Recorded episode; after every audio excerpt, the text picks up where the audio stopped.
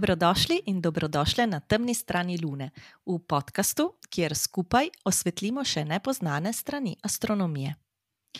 Vaši gostiteljici sva Dunja in Maruša. Podcast ustvarjava tudi z vašo podporo. Zato najlepša hvala vsem, ki ste najo tudi maja meseca podprli v obliki simbolične kave. V ta namen imava vzpostavljeno stran ko-fi.com, poševnica temna stran Lune. Današnjo zgodbo začenjava s poročilom, ki so ga v poštni nabiralnik podcasta prejeli pred mesecem dni. Pismo je napisala poslušalka, ki se tudi sama ukvarja z astronomskim projektom in to s takim res izredno zanimivim in zahtevnim. Zato so jo povabili v oddajo. Z nami bo Ivana Novak, ki pri podjetju Kozi Lab razvija komponente za projekt Niza radijskih teleskopov SKA. Spraševali smo jo o zakulisju razvoja tega astronomskega observatorija. Ponavadi se namreč niti ne predstavljamo, koliko dela, truda in inovacij je potrebnih že samo za razvoj astronomskih inštrumentov, vse od teleskopov do vrhunskih merilnih naprav, ki so pogosto na robu zmogljivosti tehnologije. In njihov razvoj se začne mnogo let prej, pri velikih projektih pa celo desetletje in več, preden v javnost pridejo prvi posnetki in odmevni rezultati astronomov.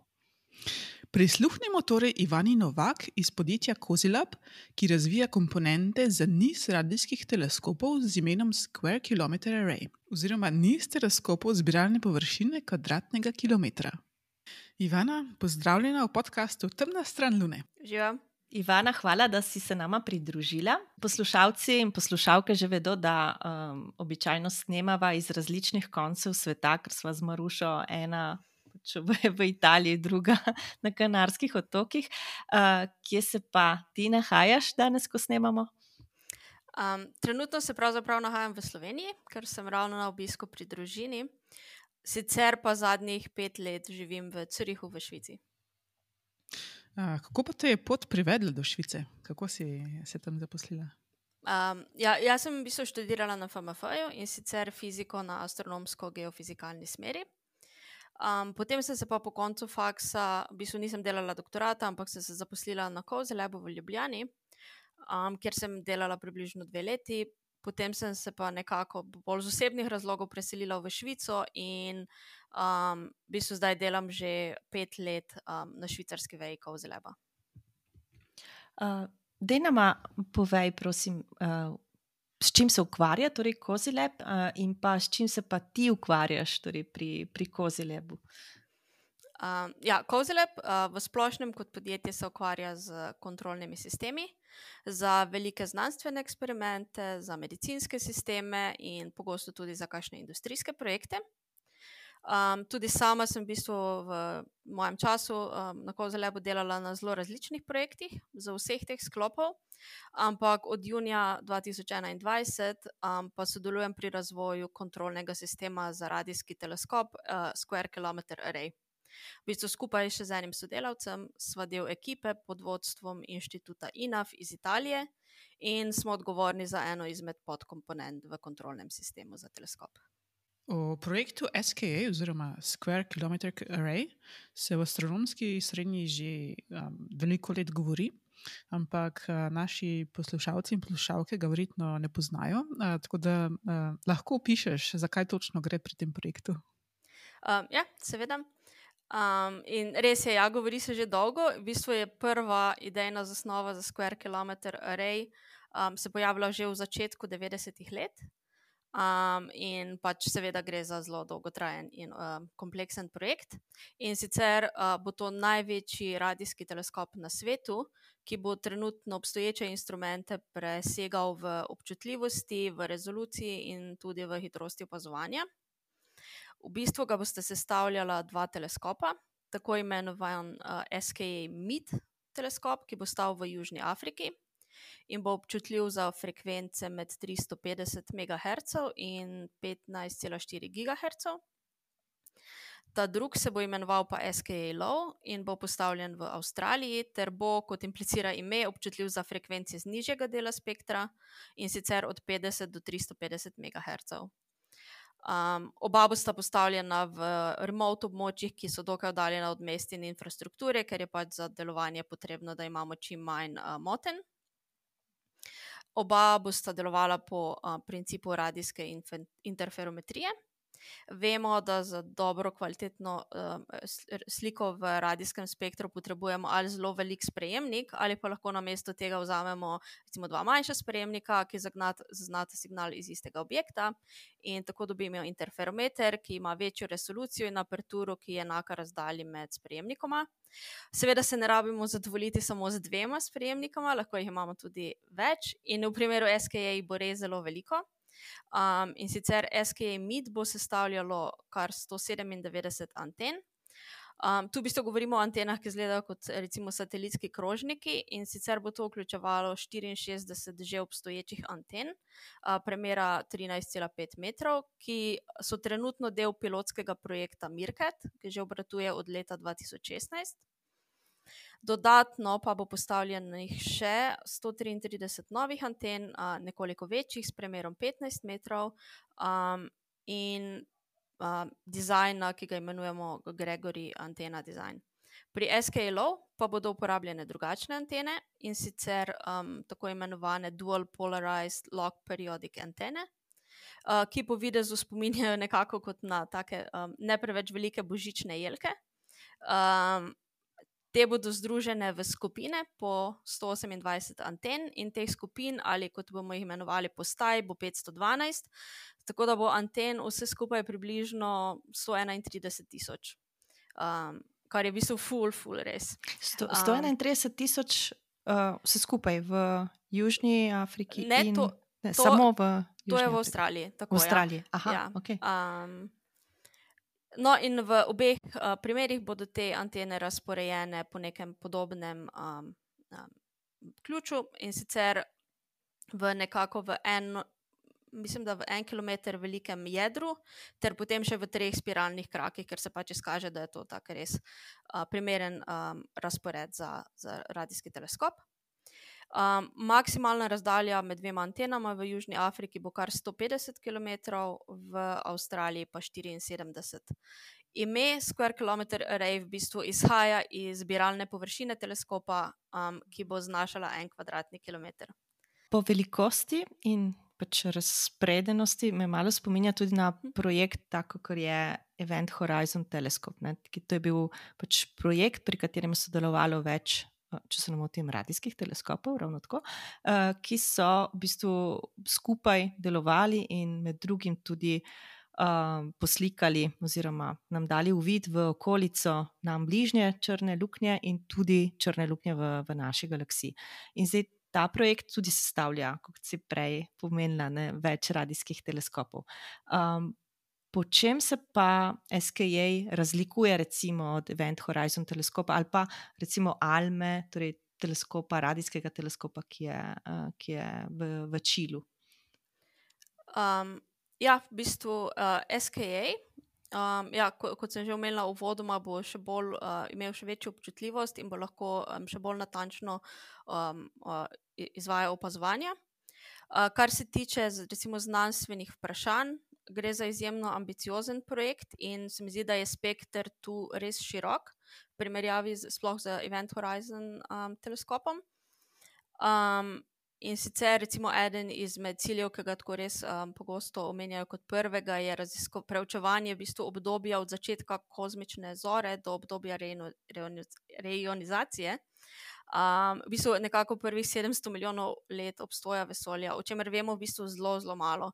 In ta teleskop bo zelo občutljiv, kar pomeni, da bo lahko zaznal zelo šibke radijske signale z vodika in nam res omogočil, recimo, pogled v dogajanje, uh, najzgodnejše dogajanje v vesolju. Torej, najzgodnejše dogajanje to bi bilo v bistvu začetek, nastanek prvih zvest. Ne? Res je. Do, ja, ja. do trenutka, ko pač ta svetloba potem spremeni nekoliko ta plin, ki je prisoten v, v vesolju. Da, ja, to, to so zdaj taka, taka vprašanja, ki so res, res zelo zanimiva. Ne, ker po drugi strani, če imamo zdaj recimo vesoljski teleskop James Webb, ne, ki ravno tako skuša seči v, v prvo. Pr, Prvi košček, prvi košček zgodovine vesolja, ne? tem primeru pa bomo dobili še, še dodaten pogled ne, v to začetno vesolje. Um, res je, ja, tudi tu uh, pri James Webb uh, Space Teleskopu se pač SKA gleda kot nek komplementaren v drugem uh mhm. -huh. območju, seveda. Uh -huh. um, tako da vsekakor um, lahko pričakujemo velike stvari, upamo, da od obeh. Uh, ja, zdaj si nam opisala um, SKA, ki je ogromen projekt in zahteva zelo ogromno inovacij, inženirskega dela in razvoja, in tako naprej. Uh, in s čim točno si pa ti ukvarjaš pri tem projektu? Um, ja, se pravi, delamo na kontrolnem sistemu za teleskop. Uh, zdaj, kot sem ja razložila že v vodoma, je pač prisotnih ogromno um, enih sprejemnikov, tako da gre res za kompleksen sistem. Um, ampak so pa to tudi samo tisti osnovni hardverski del teleskopa. In um, v bistvu pri interferometriji, ki je sicer um, izjemno elegantna tehni eh, tehnika, se zgodba ne konča s tem, ker recimo fotoni pridejo na sprejemnik, ampak je ogromno dela v nekem postprocesiranju. In da, zato, da dobimo podatke, um, je potrebno še res ogromno nekih algoritmov pognati čez stvari, um, zreducirati podatkov, jih obdelati, zato da jih potem lahko znanstveniki uporabijo želijo. Zato um, pride ob tem, da pač imamo nek hardware, še ogromno nekega softvera. Um, zdaj teleskop, um, seveda, pač od nekega zgornjega layerja, s katerim ja, recimo interagirajo operaterji, pa v končni fazi tudi znanstveniki, ki pač ne vem, podajo neko. Um, Vlogo za to, da bi nekaj opazovali, je potem um, potrebno a, v bistvu preračunati, kaj to pomeni za teleskop, kakšne zahteve ima za to, da se potem recimo um, dizajnira neko opazovanje, da, um, se, da se ga da na nek urnik in tako naprej, da se zagotovi resurse in se jih ustrezno skalibrira, tako da imamo nek top-level uh, sistem, ki, to, um, ki skrbi za to. Um, ampak pod njim imamo pa še druge sisteme, in eden izmed teh sistemov je um, se, tako imenovan Central Signal Processor ali centralni procesor signalov, recimo v slovenščini, um, ki v bistvu dobi podatke z receiverjev um, in jih uh, obdela. Um, in potem pošlje naprej um, ne, uh, komponenti, ki jih rečemo Science Data Processor, in ta um, Central Signal Processor je v bistvu to, kar delamo mi. Um, In sicer v bistvu znotraj te komponente skrbimo še za eno bolj specifično, manjšo stvar, in to je um, kontroliranje in nadzor uh, treh različnih podkomponent, ki v bistvu procesirajo te podatke. Ena uh, in ta glavna v bistvu je tako imenovan correlator in beamformer.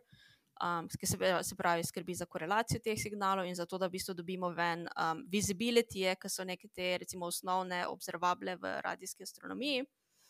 Um, potem pa um, sta še Pulsar Search, pa Pulsar Timing, um, tula, algoritma, recimo, um, ki pač sta mogoče bolj opcijska, um, ki pač ni nujno, da podatki grejo skozi njo, ampak v končni fazi pač so vsi ti trije namenjeni temu, da lahko pač um, podatke obdelamo in jih potem pošljemo naprej v ta um, Science Data Processor, odkuder potem jih um, dobijo znanstveniki. In v glavnem mi skrbimo za to, da te tri stvari um, lahko um, kontroliramo in tudi um, spremljamo, kaj se z njimi dogaja, če je kaj narobe, da, pač, da to potem po verigi po, po, tudi sporočamo nazaj v uh, to top-level komponento. A, a to pomeni v bistvu, da uh, je nek tak osnovni nivo za, za tiste, kar sva medve z Marušo, je, da, vem, da, da, da si izmisliva, da bomo nekaj opazovali, pa potem pošljeva prošnjo za opazovanje, pa potem to nekje na nekem, na nekem nivoju so to pregledane, če se da vse te razne antene obrniti proti temu objektu, kdaj se to da, pa kako, kako se bo to opazovalo, koliko časa bo trajalo, in tako dalje, da, da ne bo nič motilo opazovanja. Uh, in potem vi pa skrbite za to, da vse te signale, torej fotone, ne, v bistvu radijske signale, ki prihajajo z vesolja, um, da verjetno pridejo z nekim zamikom do posamične antene, ampak da to vse skupaj sestavite v nek tak enovit signal ali nekaj takega. Je to v bistvu v, v ozadju teh razno raznih kontrolerjev in procesorjev, ki jih gradite. Um, vsekakor je ja, to naloga ene izmed teh komponent, se pravi, korelator v bistvu dela točno to, da, um, da, ja, da signale um, z, da upošteva te deleje in jih ustrezno uskladi, zato da dobimo koherentno sliko. Uh, ja, jaz sem te hotel vprašati, a tvoje delo je pol uh, oboje in v laboratoriju, kjer imaš prav kak, op, optične in, inštrumente, eksperimente in pa pisanje kode, ali kaj točno, kako to zgleda? Um, v bistvu mi predvsem pišemo kodo, zato ker um, je tu toliko layerjev in toliko ene kompleksnosti, da ta stvar, ki jo specifično moja, moja skupina piše, uh, je nekoliko uh, recimo, nad tem layerjem za hardverom. Tako da mi direktno hardverja ne kontroliramo. In v bistvu um, je ogromno enega domenskega znanja pri tem potrebnega, tako da um, so ljudje, ki to počnejo, res neverjetni specialisti. Mislim, naše delo je potem orkestrirati te komponente, da sodelujejo med sabo. Recimo. Ja, res nevrjetno, koliko specializiranega dela je potrebnega za čist specializiran za en del, mečken delček in popolnoma druga specifikacija za en drugi mečken delček in pa se vse mora poklopiti skupaj zložiti. To je res nevrjetno. Ti zemeljski teleskopi, ne, ki jih običajno gradijo, so um, so, so tudi z leti pač in zaradi tehnološkega napredka, in zato, ker bi želeli čim bolj natančno in čim bolj podrobno se ogledati vesolje, ne, posta, so postali in še vedno postajajo vedno večji. To, to, se, to se recimo bere tudi v njihovih imenih in v mislih imam recimo tale zelo velik teleskop v Čilu, ki je drugače v angleščini Very Large Telescope. In v njegov naslednik bi moral biti tudi Extremely Large Telescope, torej ELT, ne, torej, uh, v, v Čilu, ravno tako. In ko sem jaz še študirala, je bil to med drugim overwhelming large, overwhelmingly large teleskop takrat. Pa so ga malo, malo zmanjšali, ker je mogel imeti premjer 100 metrov, pa so ga potem zmanjšali na 30 metrov. Ampak v vsakem primeru ne, gradimo, gradimo vedno večje teleskope. Uh, in taki teleskopi, kot si prej omenila, ne, ta SKJ recimo štarta kot ideja v 90-ih letih. Ne. Katere so v bistvu faze razvoja inštrumentacije za tako velik projekt? Ker pri tem uh, gre, kot je omenila, omenila zdaj Maruša. Ne? Tukaj je potrebno ogromno, ogromno vlaganje tudi v novo tehnologijo, ne? v to, da pač sestaviš stvari, da bojo res top, da bojo super delale, da bojo pač zadnje stvari res na najboljše stvari, kar jih imaš na, na trgu. V bistvu. Ampak, je, katere so bile faze recimo, razvoja za SKJ in kdaj lahko pričakujemo, da bo sploh SKJ začel obratovati? Um, ja, um, se pravi, uh, kot sem rekla, ja, se je začela ideja v začetku 90-ih in potem so se stvari dogajale. Recimo, zdaj iz tega vidika, trenutno mogoče nekoliko počasi, ampak v resnici je ogromno stvari bilo vmes um, zamišljenih, potestiranih in tako naprej. In nekako potem je bil dizajn teleskopa potrjen leta 2016, v kar je šlo seveda ogromno nekih študij, tudi um, predhodnikov in raznih pilotskih uh, projektov, in tako naprej. Torej, kot um, Merkat, ki si ga prej omenjala, verjetno. Ne? Tako, ja, recimo, pa zraven so še um, ASCAP v Avstraliji, pa Hera, pa, um, pa Murchison, Whitefield, Ray, recimo, glavno res. Um, to so manjši, manjši nizi teh radijskih teleskopov skupaj, pač, ali kako. Um, ja, tako gre za ma manjše projekte, ker recimo tudi potem konceptualno nekako določene stvari testirajo, ki bodo del SKE. -ja in recimo Mirket sam bo inkorporiran v SKA. Um, no, v glavnem, in potem je bil dizajn potrjen leta 2016, pa vmes je še pač ta konzorcij, um, inženirski, v bistvu delal že na komponentah in je bilo ogromno, v resnici, softvera tudi že um, spisanega, čeprav mogoče ne v neki končni obliki. Um, ampak seveda je potrebno, karkoli si zamišljiš, v resnici preveriti, ali je sploh izvedljivo, in tako naprej. Um, tako da, ja, v glavnem, v tem od 2016 naprej, ko je bilo to dorečeno, so nekako začeli s procurementom, pa z raznimi razpisi, in tako naprej. In um, konstrukcija se je v bistvu uradno začela zdaj, um, junija 2021. Um, in bi naj trajala nekje 8 let. Ampak teleskop ne bo dostavljen naenkrat, ampak bo v bistvu šel čez več faz. Um, In sicer zdaj so prvi tako, za nas je velik milestone, ampak v bistvu ne bomo dostavili tako zelo veliko, je ta tako imenovan Array Assembly. Um, 0.5, oziroma, se pravi, v bistvu niti ni še prva verzija, ampak je recimo nekako polovička, um, in naj bi ga dosegli naslednje leto. Uh, in sicer bi naj demonstrirali delovanje šestih teh postaj za SKA Low in štirih anten za SKA Mid.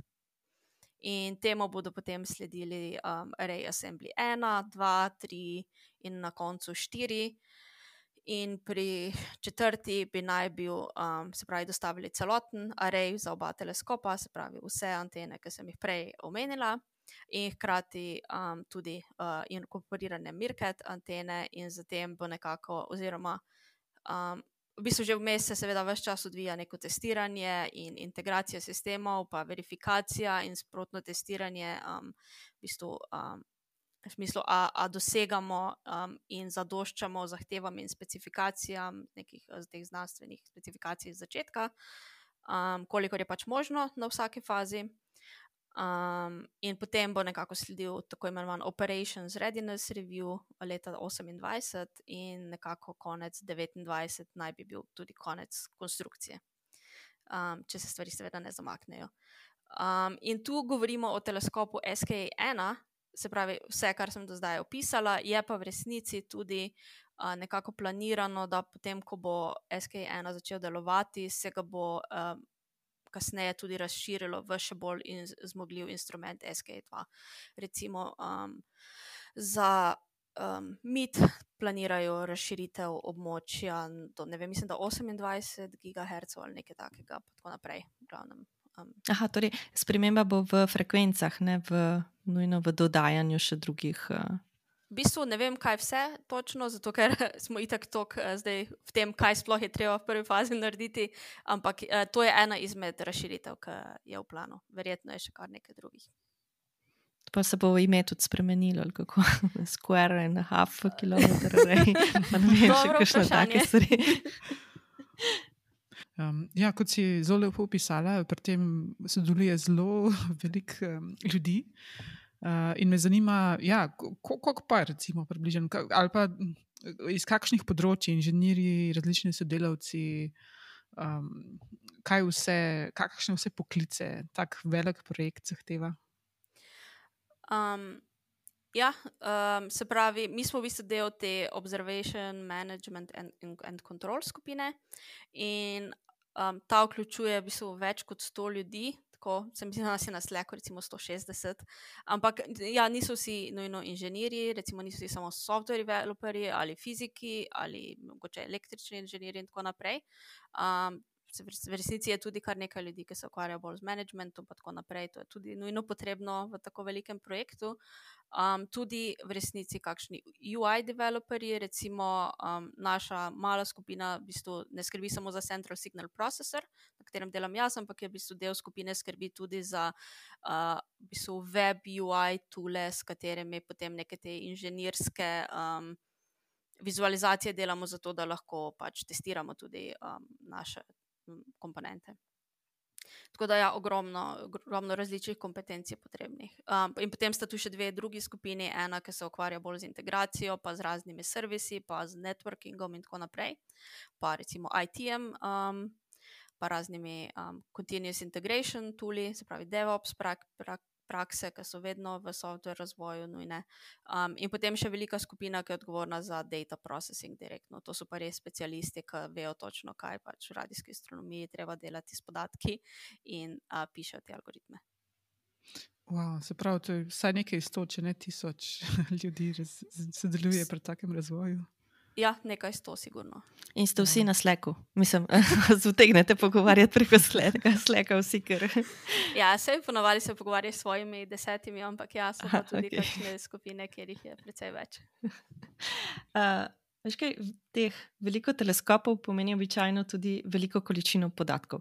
In kar se, kar se spomnim, ko sem prvič slišala o SKE projektu, se spomnim, da so tudi govorili, da, da bo šlo, mislim, da bo sprejemal tudi ogromne količine podatkov. To pomeni pač ne vem, kakšne količine na sekundo. Ne?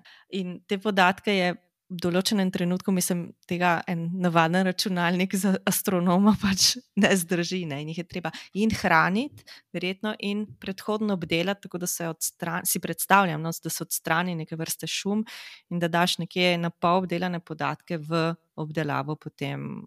Pač tistim, ki se bo, bodo ukvarjali z, z bolj znanstvenimi vprašanji. Nama, nama razložiš, kako, kako bo to potekalo in za kakšne količine podatkov gre? Um, ja, tako kot si rekla, gre res za ogromne količine podatkov. Uh, jaz sem zdaj v bistvu morala iti malo te številke tudi pogledati. In recimo sem prebrala, da bo SKA Low proizvajal 8 terabitov podatkov na sekundo, SKA Mid pa 20 terabitov na sekundo, um, kar je v bistvu recimo tisočkrat več kot Alma. In menda tudi več kot je recimo dnevni promet interneta. Uh, ne, ja. neverjetno. Um, se mi je zdela fascinantna informacija, mi je kar ostalo v spominu. Um, podatki se bodo um, vsekakor obdelovali sproti, ker pač enostavno shranjevanje tako ogromne količine nekih surovih podatkov ni možno in ni praktično. Um, in v bistvu ti um, digitalizirani podatki, ki pridejo z receiverjev, že s tem, ki pridejo v Correlator in Beamformer, ki smo ga prej omenjali, um, in se proizvajajo ti visibility seti, to je že v bistvu deloma obdelano ne? in tu pač se tisto um, se recimo nekoliko že zreducira. In ja, potem to potuje naprej v ta Science Data Processor, in to je komponenta, ki jo, boste, ki jo boste v bistvu sestavljala, eh, kolikor uh, vem, dva superračunalnika, ki boste v bistvu zmogla procesirati 135 petaflopov, kar pomeni, da boste v bistvu med najzmogljivejšimi superračunalniki na svetu. Um, in potem na koncu bo naloga tega um, Science Data Processor uh, sistema tudi arhiviranje um, 300 petabajtov podatkov na leto. Um, okay. sem se sam malo zadržala dih za, za to, da, ker verjetno bo to arhiviranje v, v več mestih, kar pomeni, da bo kakšne kopije bojo bo, po vsej verjetnosti potem drugot tudi po svetu. Verjetno res je. Ja. Vsekakor um, so za to predvideni posebni um, science data centri. Um, v bistvu, uh, recimo, en, vem, da je v kraju Posi, v, čeprav se spomnim, v Avstraliji, ki je recimo ni čisto zraven um, teleskopa, je pa relativno v bližini. To v bistvu še ni potem konec zgodbe, zato ker v bistvu, um, ti podatki bodo potem šli naprej um, in sicer v tako imenovane SKA regionalne centre. In ti bodo postavljeni v bistvu po svetu, v državah, članicah um, SKA organizacije, oziroma SKA observatorija.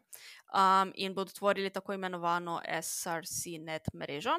In šele tu bodo znanstveniki v bistvu um, nekako dostopali do podatkov direktno in tudi ne, v bistvu do končnih produktov, v bistvu pa bodo tudi recimo platforma za um, obdelovanje podatkov, ki še vedno tudi na tej točki gre za takšne podatke, da nekako ni predvideno, da si jih na svoj laptop preneseš, pa potem obdeluješ, ampak bo v bistvu ponujali tule ki jih bodo znanstveniki lahko uporabljali direktno um, za obdelavo, za obdelavo ja. podatkov. Torej, nič več, nas, na, lastni računalnik nam bo služil za povezavo do teh centrov. Potem. Kar si omenila, je, je izredno zanimivo in verjetno pač pomeni, da je tudi v to, v ta in pač shranjevanje podatkov, in tudi potem pretakanje podatkov iz centra do centra, potrebno vložiti veliko, veliko dela. Uh, Veš kaj, še eno vprašanje mi je prišlo na misel in sicer, ali si bosta ta dva teleskopa tudi med sabo komunicirala, kako pa komunikacija med njima? Bo tudi to? Um, ne, mislim, da direktne komunikacije med teleskopoma ne bo. Čeprav recimo -huh. bosta pa eventualno pač nekako so, uh, so del iste, recimo VLBI mreže, uh -huh. pač bo to tudi nekaj, kar uh -huh. pri čemer bo sta uporabljena, ampak direktne komunikacije pa ne. Torej, VLBI, to je zdaj kratica za Very Large, very large Baseline, baseline Interferometry. Torej, oba dva boste delala kot dva večja interferometra ali kako? Ja. Okay. Kot da bi imeli eno Avstralijo in eno Južno Afriko, ko v bistvu sta dva teleskopa, ki gledate. Wow, to, to, to je tudi zelo zanimivo. Wow. Uh, Zelo mi je na misel prišlo še eno vprašanje. Mm, zdaj si omenila, da je to v Južni Afriki in Avstraliji. Zakaj pa glih tam? A je to kakšen poseben razlog? Zdaj vemo, da je to v obeh primerih v puščavi. Je to razlog ali je nekaj čist redga ali oboje? Um, to pa, pa v bistvu lokacija na južni um, hemisferi zaradi opazovanja galaksije. Um, pa ja, predvsem nekako se je iskalo neko um, radio tiho območje, pa pač nekako, ker je res dovolj um, tako oddaljeno od. Um, Od recimo mest in tako naprej, ne samo trenutno, ampak mogoče res, res tako, da malo tudi razmišljaš o prihodnosti, um, kaj se bo recimo razvijalo, dogajalo in tako naprej. Um, se mislim, da so bili tudi druge, druge lokacije v igri, ampak nekako je potem uh, končalo se pri teh dveh.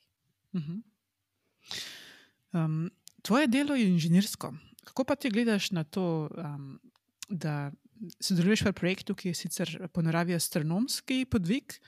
Eh, ki bi brez vseh inženirjev in ostalih poklicev, ki pri tem sodelujejo, ne bi zagledal luči, oziroma v tvojem primeru radijskih fotonov. Eh, kakšen pogled imaš na to, oziroma kaj te pri tem najbolj navdušuje? Um, ja, jaz bi rekla tako, ne, da se mi zdi, da um, pač astronomija se mi je vedno zdela zelo fascinantna, ampak pač recimo, ne glede na to, kako meditativno ali romantično se nam zdi nekako gledati v jasni noči v zvezde, pač brez neke tehnologije ni napredka v astronomiji. In v bistvu obratno, na vse razborljivo mi je pravzaprav spremljati, kakšne revolucije se dogajajo na vseh področjih astronomije in astrofizike, zahvaljujoč napredku v tehnologiji, ker um, v bistvu se bo, še reci, po moje, še res uh, nas čaka zlata doba. No? Um, in um, tudi tu se mi zdi, da res napredek ni možen brez sodelovanja znanstvenikov in inženirjev. Um, um, in se mi zdi, da v bistvu za marsikoga so mogoče pri takšnem projektu lahko že tehnološki izzivi sami. Uh, neko gonilo, um, ampak meni se zdi prav ta znanstvena vprašanja, ki jih bomo, upam, da s teleskopom lahko začeli odgovarjati kot neka osebna motivacija za delo, pa je tudi pač to pomembno, kaj poskušamo doseči, ne samo na dnevni ravni, kaj programiramo. um, tako da ja, um, sem um, zelo, uh, zelo navdušena nad tem, kaj, bomo, kaj se bomo naučili v vesolju.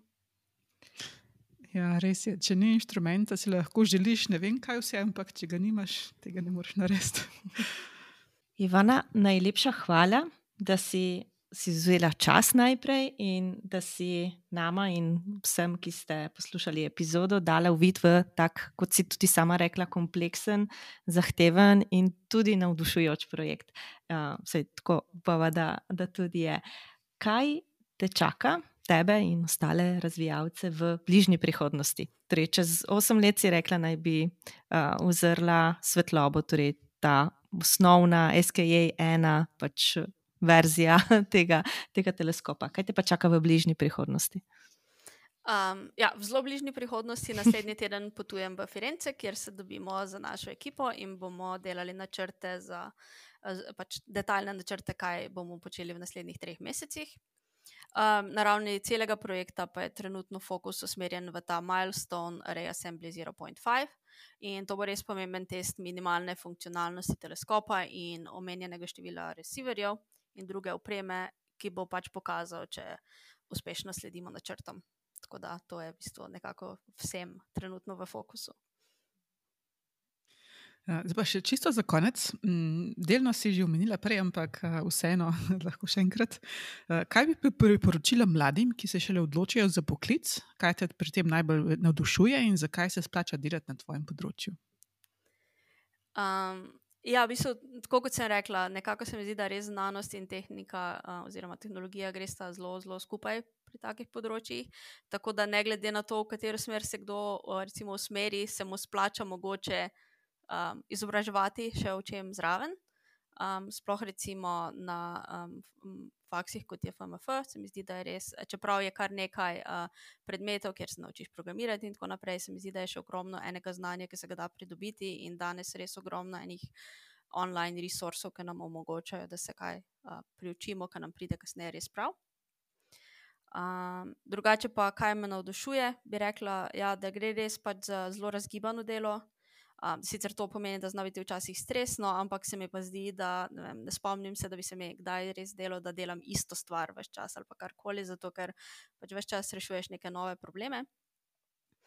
In se hkrati imaš možnost učiti česa novega, in še posebej na tem projektu, kjer sodeluje ogromno ljudi z ogromno enega znanja o radijski astronomiji, je res dobra priložnost, da se res ogromno naučiš od koga. takega. Um, tako da to mi je res um, v veselje. Um, in pa ja, pač uh, na koncu cilji, ki jih poskušamo s tem teleskopom um, doseči, in um, znanje, ki ga bomo lahko eventualno pridobili. Super, hvala še enkrat, da si se, si se pridružila temu pogovoru in srečno za, za naprej, da bi se pač vsi milestoni uresničili, pa da bi tudi testni, pač vsi ti testni uh, projekti vmes uh, gladko ali pa vsaj brez večjih težav stekli, tako da bomo res lahko uživali pri prvih podatkih, uh, radijskih podatkih SKJ-ja. Hvala lepa, Ivana. Hvala vama za povabilo.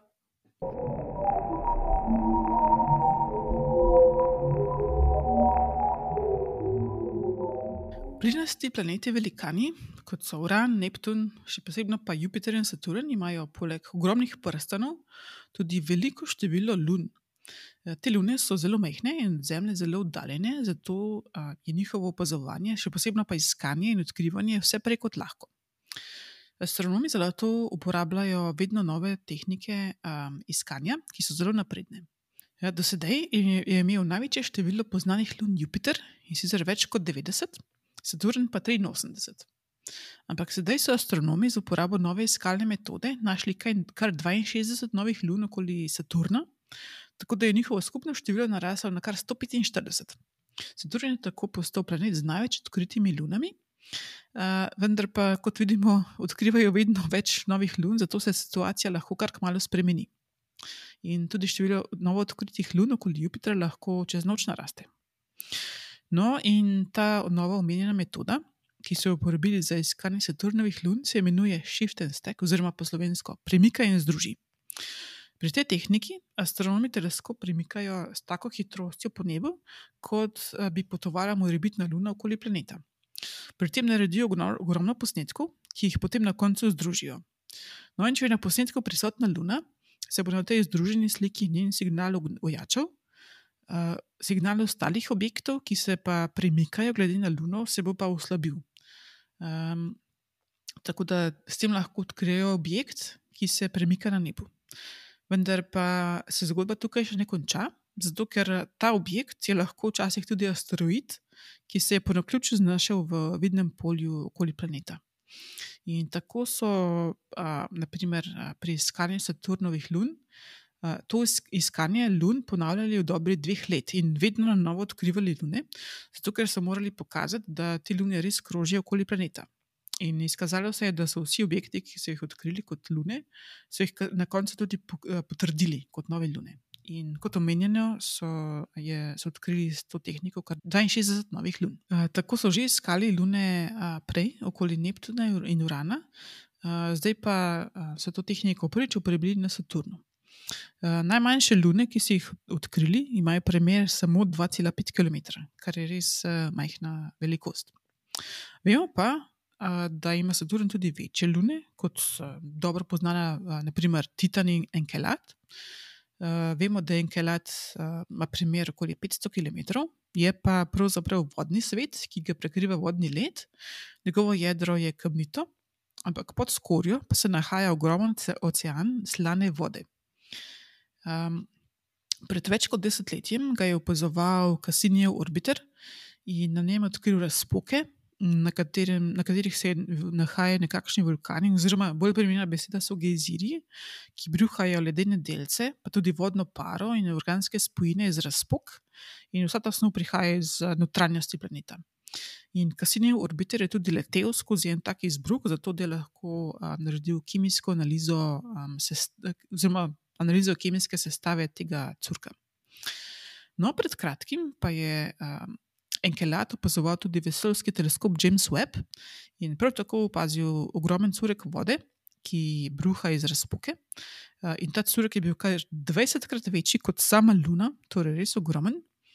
In pri tem je sama hitrost oziroma pretok curka res impresiven, znaša 300 litrov vode na sekundo. In samo za predstavo, to je um, taka, tak pretok, da bi lahko z njim že v nekaj urah napolnili olimpijski bazen vode torej res ogromno. In um, Vemo tudi, da je zaradi stalnih izbruhov in kelat stalno uvid v uvoj vode in ta uvoj ima obliko, nekakšno obliko torusa.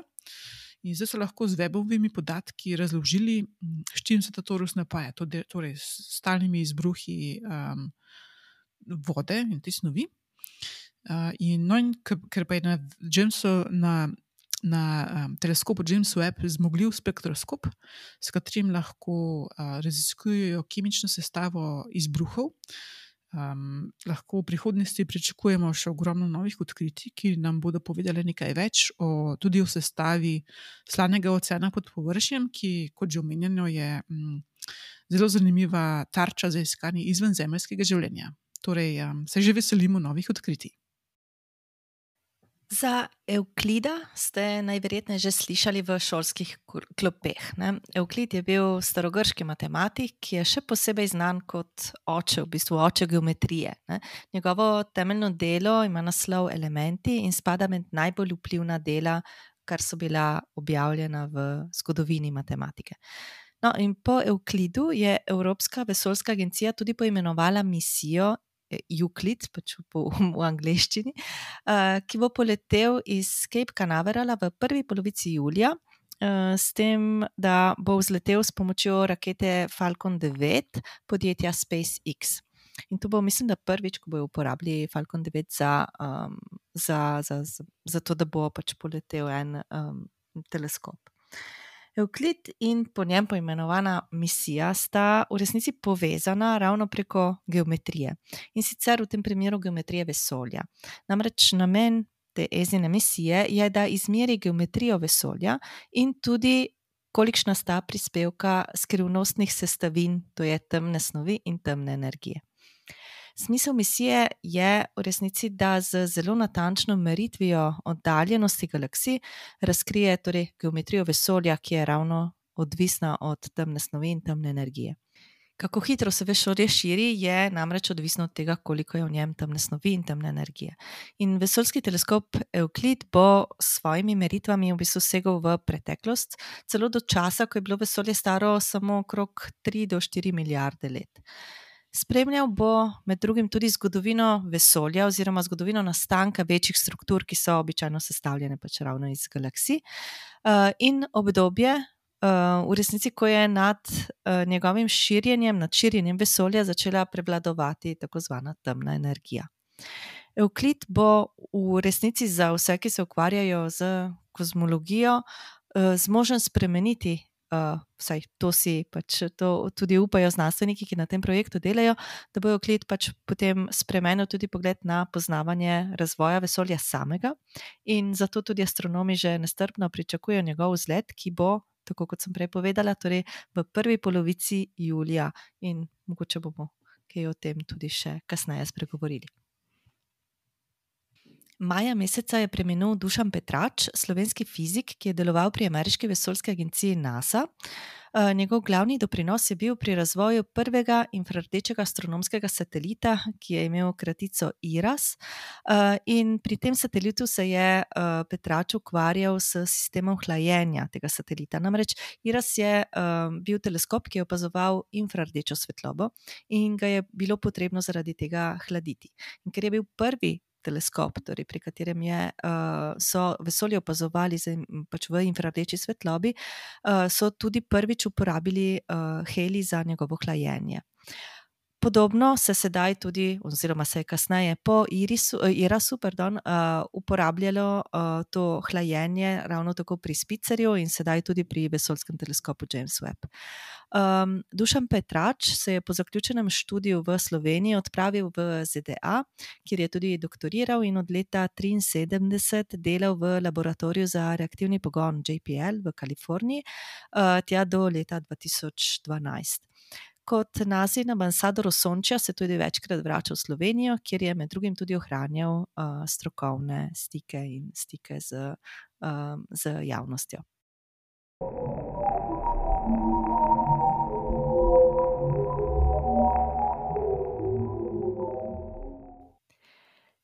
kaj nas čaka, kateri prizori na nebu nas čakajo letos poleti? V poletnih mesecih boste lahko priča veliko nebesnim prizorom, predvsem, če se boste ozrli za planeti. Ja, kot običajno bodo planeti, vsaj nekateri izmed njih, vidni, tudi ne nujno vsi čez celotno noč.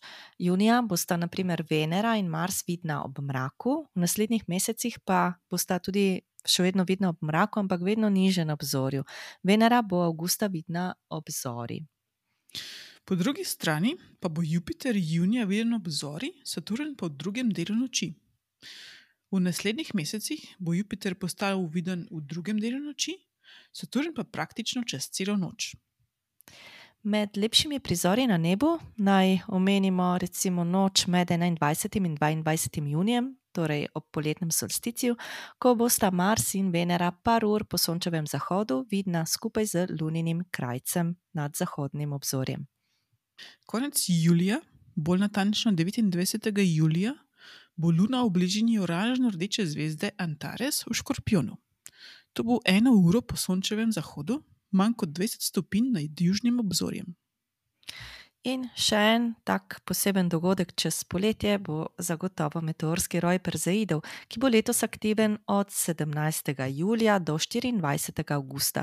Doživel pa bo višek aktivnosti v noči z 12. na 13. august. Ker bo nekaj dni kasneje mlaj, opazovanju v resnici ne bo motila luna. In kako meteorski, meteorski roj nastanejo? Nastanejo ob stopu delcev prahu v zemljino atmosfero ob tem zažarijo in jih na nebu vidimo kot svetle sledi. V tem primeru delce sestavlja prah, ki ga je ob periodičnem obhodu okrog Sonca za seboj pustil komet z imenom 109P Swift-Tuttle, ki se v bližino Sonca vrača vsakih 135 let. Torej, okvirna aktivnost, to pomeni število meteorjev na uro, ki jih lahko razberemo, bi v ugodnih okoliščinah privedla do 100, meteoro, 100 meteorjev na uro, saj za Perzeide, seveda. V svojem letnem koledarju Mednarodna meteorska zveza poroča tudi o možnosti, da uh, pač prečka Zemlja več takih sledi kometa, ki so nastale v različnih obdobjih, tako da se splačajo opazovanja tudi v nočeh pred in po napovedanem višku. V zapiskih boste našli tudi aplikacije in strani, s pomočjo katerih lahko preverite, kdaj bo nad vami potovala mednarodna vesoljska postaja. Informacije o prizorih na nebu si lahko ogledate v knjigi Glej zvezde, ki jo najdete na spletni strani slovenske astronomske revije Spika.